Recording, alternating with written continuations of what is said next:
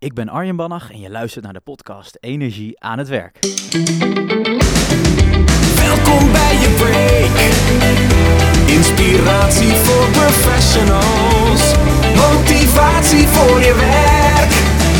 Arjen Bannach maakt alle energie weer in je los. Sluit je aan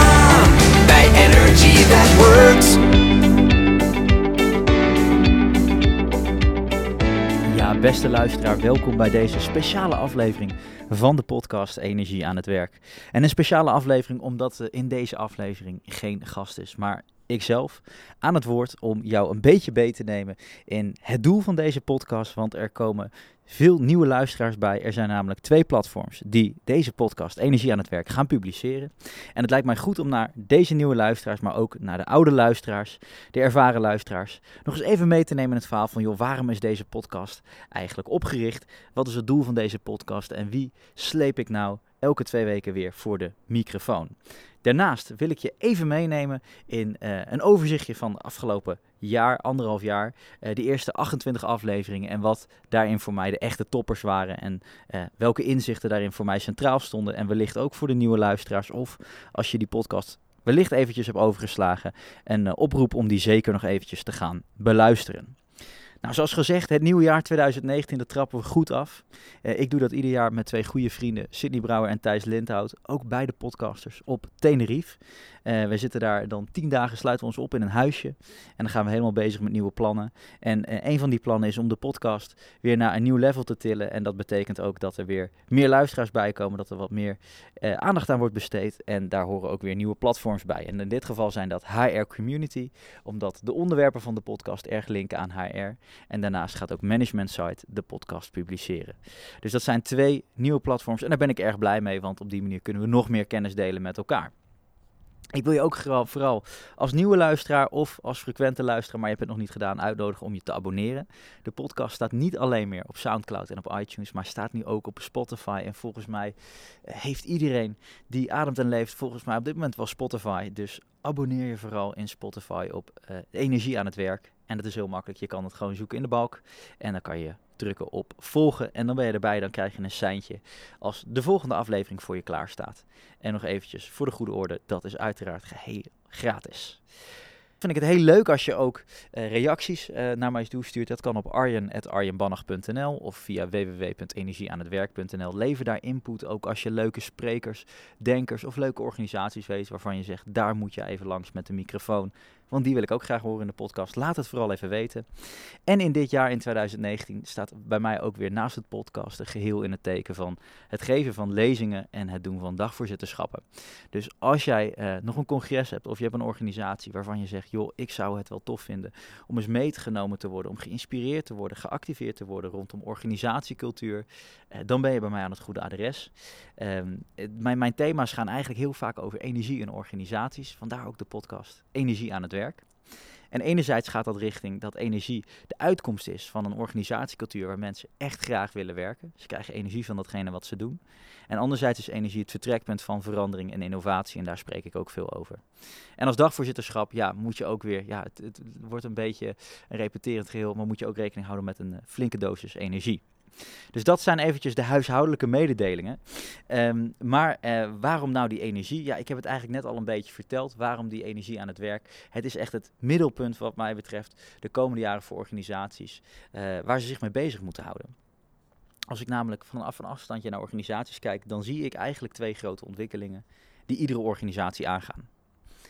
Enerzijds heb je eh, de noodzaak tot, tot meer mensgericht organiseren, om te zorgen dat je medewerkers boeit en bindt ze, en, eh, en dat zij energie krijgen van datgene wat ze dag in dag uit aan het doen zijn. En anderzijds moet je bezig gaan met verandering, met innovatie. Kijken hoe kunnen we onze klanten nog beter bedienen met alle technologische ontwikkelingen die er op dit moment gaande zijn. Wat kunnen wij daarmee als organisatie? En dat zijn twee grote eh, ontwikkelingen waar je ook daadwerkelijk iets mee moet. Want doe je het niet, dan word je aan alle kanten ingehaald door je concurrentie. En energie staat voor mij, ik liet het net al vallen, heel mooi in het middelpunt daarvan. Energie is de concrete uitkomst van op het moment dat mensen iets doen waar ze blij van worden, krijgen ze energie van werkzaamheden. En als je het natuurkundig vertaalt, dan is energie letterlijk het vermogen om te kunnen veranderen. Dus als je de aandacht geeft aan mensen, je hebt een cultuur waar mensen graag willen werken, krijgen ze energie En dat is precies wat ze nodig hebben om mee te kunnen in die innovatie. Uh, ja, achtbaan moet ik, kan ik wel bijna zeggen. Innovatie achtbaan in die veranderingen die nodig zijn. En gaan ze ook zelf de handschoen oppakken om bezig te gaan met experimenteren. Dus vandaar energie aan het werk. Dan weet je dat nu. Dan tot slot, deze podcast wil ik je graag even meenemen op een, op een, terugblik van de laatste anderhalf jaar. 28 afleveringen staan er nu voor je klaar. Ehm, dus die kan je gewoon allemaal terugkijken en ik haal er een paar even uit. Wat goed is om allereerst eventjes te vermelden, is dat um, ik steeds afwissel. Elke twee weken krijg je een aflevering van mij. En de ene keer is dat een organisatie waar ik op bezoek ga. Een organisatie die de zaken even anders aanpakt. Die inspireert vanwege hun cultuur. Um, die opvalt in ieder geval. En de andere keer dan ga ik uh, langs bij een denker, bij een visionair, een schrijver, een spreker op het gebied van de toekomst van werk, van organisatiecultuur. Hoe moet werken nou eigenlijk uitkomen te zien? En laat ik van beide categorieën er even drie noemen. En dan begin ik allereerst met de drie organisaties. En uh, eentje waarvan ik zeg, ja, die moet je toch wel geluisterd hebben. Dat is aflevering 27, een vrij recente dus nog, met Frank van Massenhoven. En Frank van Massenhoven is de chairman bij de Federale Overheidsdienst Sociale Zekerheid in België. Hele mond vol, maar om het even makkelijk te maken. Dat is een ministerie. En um, hij zei, volgens mij moeten we hier anders gaan werken. Ze waren ook bezig met het inrichten van een nieuw kantoor. En hij zei, volgens mij hebben we heel veel ruimte hier die eigenlijk helemaal niet uh, benut wordt. En daarbij zitten we ook in een hele dynamische wereld.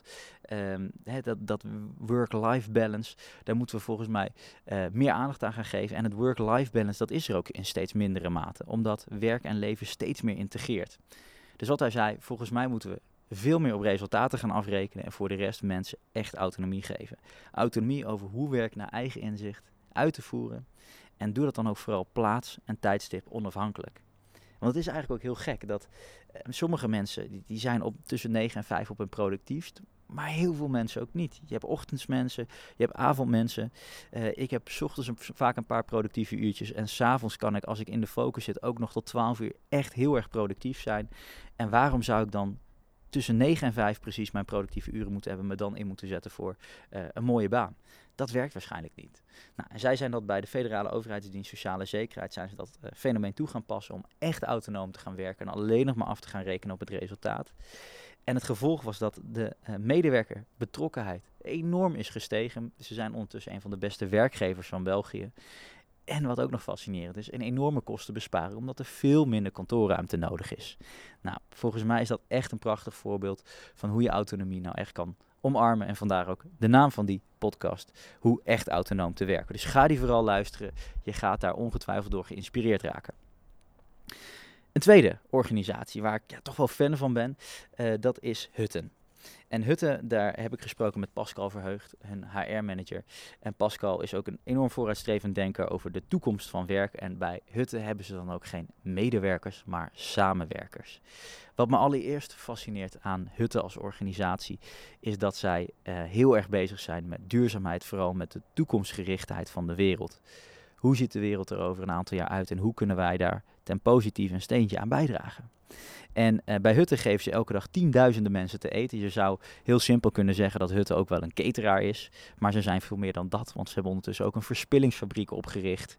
Uh, waarin ze dus uh, voedsel wat anders wordt weggegooid ophalen en daar weer soepen en sauzen van maken. Ik ben er onlangs geweest. Fantastische plek. Dus echt een organisatie die maatschappelijk verantwoord ondernemen helemaal omarmd heeft. En het mooie is, ze zijn niet alleen naar buiten goed bezig, maar ook naar binnen. Want ze doen daar ontzettend veel met hun samenwerkers. Ze kijken echt hoe ze de best mogelijke uh, werkgever kunnen zijn voor alle mensen die er dag in dag uit hun best voor doen. En uh, ja, wil je daar eigenlijk meer over weten, dan zou ik je vooral aanraden om aflevering 22 met Pascal Verheugd nog eventjes te luisteren, want dat is een hele mooie. De derde organisatie, ja, dat is er eentje die uh, hoeft eigenlijk geen introductie. Want die kennen we allemaal. Sterker nog, we snoepen er allemaal wel eens van hun producten. Dat is namelijk Tony's Chocolonely. En ik spreek daar met Inzo van Zanten, Head of People. En uh, aflevering 17 voor de nieuwsgierigen. En ja, Tony's kennen we natuurlijk ook allemaal vanwege hun uh, quest om 100% slaafvrije chocolade te maken. Ook bezig met maatschappelijk verantwoord ondernemen. Echt een hele mooie purpose. En wat ik vooral zo krachtig vind, is dat ze niet zeggen: wij willen 100% slaafvrije chocolade verkopen. Maar wij willen dat de hele wereld 100% slaafvrije chocolade krijgt. En daar zijn ze mee bezig. En ze hebben al fantastische successen behaald. Ehm, en bijvoorbeeld even een klein tipje van de sluier. Ehm, bij hun Belgische chocolademaker, om het eventjes in, uh, in simpele terminologie te omschrijven, hebben ze een hele grote keten waar chocola wordt, wordt gemaakt. En uh, je hebt verschillende producten nodig. En van een van de producten, de cacao massa, als ik het goed heb, uh, was nog steeds bulk. Dus daar zat ook niet slaafvrije cacaomassa bij. En toen zeiden ze, nee, dat willen we niet. Wij willen ook dat slaafvrij. Nou, dat kon niet. Dan moest er een nieuwe ketel voor komen. En zeggen ze, nou, dat willen wij. En toen heeft die chocolademaker gezegd, ik ga hierin mee. En die heeft volgens mij voor 1 miljoen euro een nieuwe ketel aangeschaft. Zodat ook die hele reep Tony helemaal 100% slaafvrij is. Maar ze doen het niet alleen naar buiten. Ze doen het ook vooral naar binnen. Even een ja, ik ga ze niet allemaal opnoemen, want ik noem ze ook wel eens in mijn lezing, maar eventjes een tipje van de sluier. Ehm, als je bij Tony's werkt, mag je elke dag zoveel chocolade meenemen naar huis als je fysiek kan tillen. Dat is fantastisch. Maar de gevaar natuurlijk wel dat je dan heel dik wordt. Dus wat hebben ze gezegd bij Tony's? Wij uh, hebben een BMI-bonus. Een BMI-bonus, als jij in een jaar niet bent aangekomen krijg jij een BMI-bonus. En om het een beetje kracht bij te zetten, gaan ze uh, sporten met de zaak. Iedereen krijgt elk jaar nieuwe sportschoenen van Tony's. Uh, om samen te bootcampen, om te yoga, om te zorgen dat je ook lekker goed in shape bent. Want op het moment dat jij je goed voelt, zijn je prestaties ook beter. Nou, er zijn nog veel meer van dit soort wapenfeitjes, van dit soort cultuuruitingen die Tony's heeft. Ik vind ze fantastisch. Ga er vooral naar luisteren en ongetwijfeld dat je erdoor geïnspireerd raakt en denkt, wij moeten ook wat van dit soort dingetjes gaan installeren in onze cultuur. Dus dat wat betreft de drie organisaties, podcast 27, 22 en nummertje 17. En dan wat betreft de denkers, want daar hebben we er ook een paar hele interessante van voor de microfoon gehad. Ik moet trouwens zeggen, ze zijn allemaal interessant geweest, want af en toe heb je ook een podcastaflevering die ja, niet helemaal uit de verf komt. Dat ligt soms aan de gast, maar vaak ook aan mij dat je toch net even niet de juiste vraag hebt gesteld. En um, omdat ik toch de kwaliteit hoog in het vaandel heb, wil ik wel zorgen dat uh, alleen de goede afleveringen gepost worden. Um, maar dit zijn in ieder geval drie toppertjes die maar gelijk bij mij te binnen schoten. En de eerste, um, ja, groot voorbeeld van mij, Jan van Zetten. Ik hoop dat je hem kent, een van de meest geboekte sprekers van Nederland. Niet goedkoop ook. Uh, wil je een iets goedkopere spreker, dan ben je bij mij aan het goede adres. Maar heb je genoeg euro's, dan moet je Jan van Zetten boeken. Uh, want Jan van Zetten, ja, fantastisch. Hij um, helpt organisaties met klantgerichtheid, met veranderprocessen. En hij is zo ontwapenend in de terminologieën die hij gebruikt, in de manier waarop hij dingen vertelt. Hij heeft net een nieuw boek geschreven, Live, het leven is verwarrend eenvoudig. En daarin neemt hij je mee op ja, weer een op een ontwapende manier, op een uh, eye-open-achtige manier over hoe het leven eigenlijk veel simpeler in elkaar steekt dan dat we eigenlijk denken. En hoe je het veel meer het leven kan leggen volgens jouw spelregels en het ook jou beter naar de zin kan maken. En ja, het is een interview, we gaan van links naar rechts, uh, maar de inspirerende leuzen die vliegen je om de oren. Uh, ik moest echt pen en papier erbij houden toen ik het interview nog eens een keer teruglas om alle interessante dingen te vertellen. En laat ik er nog eentje uitpakken. Die hoor je ook vaak in mijn lezingen. Um, en dat is een quote van Albert Einstein. Uh, en die zei ooit: Als je doet wat je altijd deed, dan krijg je wat je altijd kreeg. En heel veel mensen nemen dat aan als een waarheid. Echter, um, als je doet wat je altijd deed, dan krijg je niet wat je altijd kreeg. Um, zeker niet in deze snel veranderende wereld. Want hè, in een wereld van de natuurkunde klopt dit natuurlijk, actie-reactie. Maar als we kijken naar de wereld van het organiseren van werk, dan klopt het niet. Omdat die wereld zo snel verandert, moeten wij mee. En als je nu nog gewoon blijft doen wat je altijd deed, dan krijg je niet hetzelfde resultaat, maar dan krijg je steeds een beetje minder. Je moet nieuwe dingen proberen, je moet andere dingen proberen, je moet innoveren om te zorgen dat je in de toekomst nog minimaal hetzelfde kan krijgen, maar het liefst ook een stukje meer. Nou, veel meer van dit soort gave inzichten in podcast nummer 11 met Jan van Zetten. De volgende, die mij bijzonder geïnspireerd heeft, is met Bas Kodden. En dat is uh, podcast nummertje 7. En Bas Kodden um, is uh, onder andere um, spreker, hij is schrijver, hij heeft meerdere boeken geschreven, waaronder Hoe word je een held? Een hoog energieke, leidingnemende doener. Dus dat is echt voor proactieve leiders. En dat betekent niet dat het alleen voor leidinggevenden is weggelegd, maar voor elke professional. Hoe zorg je nou dat je meer initiatief neemt in je baan? En uh, hij legt ook uit dat tevreden medewerkers eigenlijk funest zijn voor je organisatie. Uh, want tevreden medewerkers zijn eigenlijk mensen die goed op een plek zitten, maar juist weinig initiatief nemen. Die volgen, terwijl juist deze snel veranderende wereld vraagt om leiders, om mensen die initiatief nemen, die vanzelf gaan experimenteren. En dan moet je het niet hebben over tevredenheid, over terugkijken, hoe je in het verleden ergens uh, nadacht over je werk, maar vooral kijken naar bevlogenheid. Hoe zit je in het hier en nu in je baan? En dat noemt Baskel de bevlogenheid. En ja, hij neemt je mee in, in, in hoe hij ze onderzoeken doet, wat hij allemaal vertelt in zijn lezingen.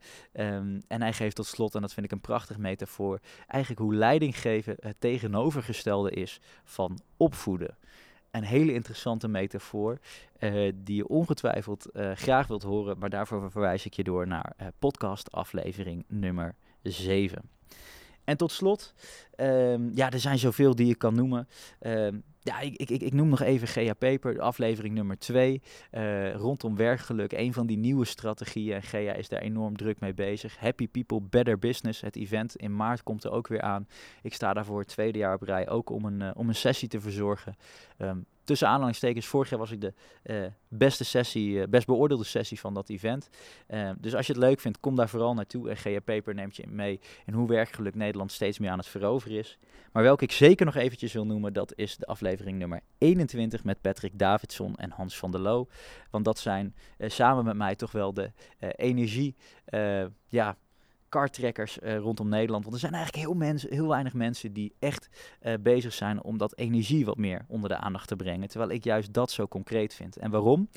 Dat komt omdat, hey, ik had het net over werkgeluk. En niet iedereen gaat aan op werkgeluk. Sterker nog, sommige mensen krijgen daar echt jeuk van. En vragen zich ook misschien wel terecht af, moet ik nou echt gelukkig worden van mijn werk? Ik geloof dat werk wel een enorme bron van geluk kan zijn, maar of je ook daadwerkelijk echt gelukkig moet worden van je baan, ja, dat, dat durf ik niet met zekerheid te zeggen. En dan is energie eigenlijk iets veel mooiers, iets concreters, wat minder abstract is. Want iedereen ervaart daadwerkelijk energie. Energie is er ook altijd en overal. Alleen is die energie hoog of laag en is die positief of negatief? Nou, dat zijn zaken, daar zijn Patrick en Hans in hun dagelijkse bezigheden ook heel erg druk mee. En wat het mooie is, zij doen ook onderzoek naar energie. En um, ga dat dan vooral luisteren op bij aflevering 21, want dan nemen zij je mee in hoe het gesteld is met energie in werken Nederland. Ze doen jaarlijks onderzoek, ook over verschillende sectoren en ook hoe je ervoor kan zorgen dat je weer meer in die positieve energie terechtkomt. Dus uh, Patrick Davidson en Hans van der Loop, aflevering 21. Dus dat zijn ze nog één keer kort op een rijtje. Nummer 27 met Frank van Massenhoven, nummer 22 met Pascal Verheugd, nummer 17 met Inzo van Zanten, en dan de denkers nummer 11 Jan van Zetten, nummer 7 Bas Kolde en nummer 21 met Patrick Davidson en Hans van der Loo. Ga die in ieder geval nog even terugluisteren. Maar vooral ook de uitnodiging. Scroll even door de lijst naar beneden. Want er zijn zoveel leuke organisaties en denkers die ik heb gesproken. Um, en in elke interview uh, zit heel veel waarde verscholen. Dus kijk ook vooral wat voor jouw positie, wat voor jouw werk, voor jouw organisatie uh, wellicht een boost kan zijn. Om te zorgen dat je dat met meer energie gaat doen. Dat was hem voor nu. Uh, tof dat je deze korte aflevering even hebt geluisterd, maar dan weet je ook eventjes waarom deze aflevering of deze podcast energie aan het werk heeft. Energie is voor mij een van de nieuwe strategieën om te zorgen dat je uh, enerzijds meer mensgericht gaat organiseren, dat je als organisatie goed voor je mensen zorgt en dus energie krijgen van hun werk. En anderzijds is energie het vertrekpunt van verandering en innovatie. Tot slot nog de uitnodiging om de podcast uh, actief te blijven volgen. Dat kan dus via Spotify door daar op volgen te drukken bij Energie aan het Werk. Het kan ook via de iTunes Store. Uh, kijk dan even bij podcast op je uh, iPhone. En tot slot www.energieaanhetwerk.nl. Daar vind je alle podcasts, maar ook de artikelen die ik schrijf aan de hand van de thema's van de podcast. Ik wens je er heel veel plezier bij. Um, nog twee dingetjes. Als je input hebt, uh, laat het vooral weten. Ik vind het leuk om van je te horen wat je van de podcast vindt, of je nog leuke gasten weet. Uh, dat kan via arjenbannig.nl. En ook als je zegt van joh, ik wil graag een keer wat inspiratie, niet via de podcast, maar via een gave sessie. Uh, dan mag je me ook altijd een berichtje sturen en dan kijken we of ik een keer bij jou op congres of bij jouw organisatie langs kan komen voor een leuke sessie rondom organisatie, cultuur, energie, verandering. Heel veel plezier bij de podcast uh, en ik zie je hopelijk later dit jaar nog een keer in het echt. Hoi hoi.